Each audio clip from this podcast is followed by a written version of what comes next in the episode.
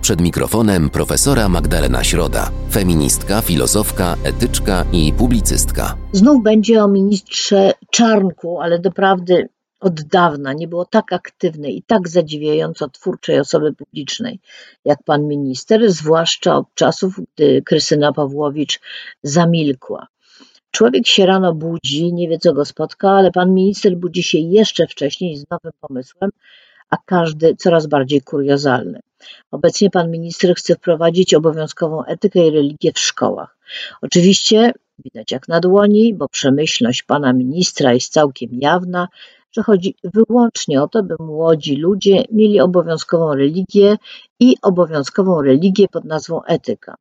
Zapewne będzie to jakaś forma etyki katolickiej, Trudno powiedzieć jednak jaka, bo liczba godzin przewidzianych na wykształcenie kryptokatechetów jest tak niewielka, że zapewne zdążą wykuć na pamięć mały katechizm, obejrzeć film Niemy Krzyk, który od lat jest obowiązkową propagandą dla dzieci, oraz nauczyć się tego, że homoseksualizm stanowi tak wielkie zagrożenie, że przy nim kryzys klimatyczny to mały pikuś. Pan minister wybrał już uczelnie, które mają tej poważnej wiedzy uczyć. Kluczem do wyboru były rzecz jasna ideologiczne sympatie pana ministra, a więc jego alma mater, czyli KUL, potem szkoła Rydzyka, co oczywiste, i jeszcze trzy uczelnie, które albo mają jakiegoś świętego za patrona, albo utworzyły wydziały teologii. Dlaczego to zrobiły?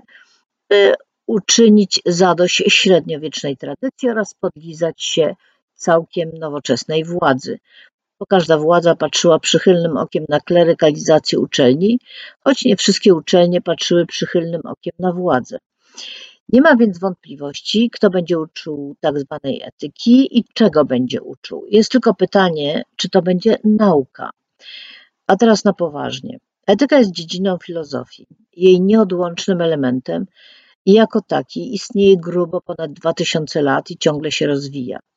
Jest w jej obrębie sporo stanowisk normatywnych odpowiadających na pytanie, czym jest zło, czym dobro, czym są wartości, co powinniśmy czynić i kim w sensie moralnym powinniśmy być.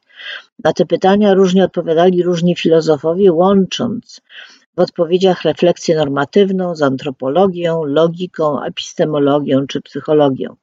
Etyka jako dziedzina filozofii uczy myślenia, każe zastanawiać się nad znaczeniem wartości, a nie tylko nad ich deklarowaniem i nad tym, jakie argumentacje są skuteczne dla wspierania naszego stanowiska. To zarazem wiedza, jak i praktyka debaty. Jednym słowem, ważny element edukacji humanistycznej i obywatelskiej.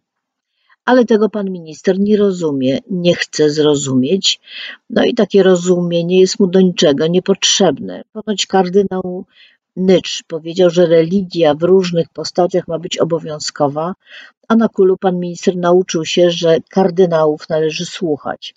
Obowiązkowa religijna indoktrynacja może nie będzie groźna.